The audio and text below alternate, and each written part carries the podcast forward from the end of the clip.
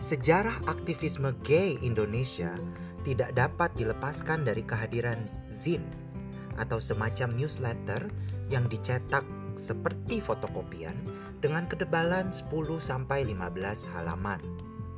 Pada tahun 1982, organisasi gay Indonesia pertama atau Lambda Indonesia menerbitkan zin yang berjudul Gaya Hidup Ceria yang kemudian menjadi sebuah media informasi dan pengetahuan bagi gay Indonesia.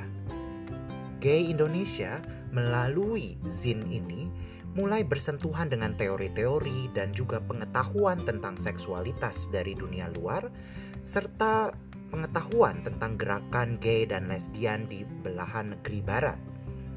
Jauh sebelum Grindr meraup popularitas, gaya hidup ceria menyediakan halaman korespondensi bagi gay Indonesia untuk saling berkirim surat dan foto.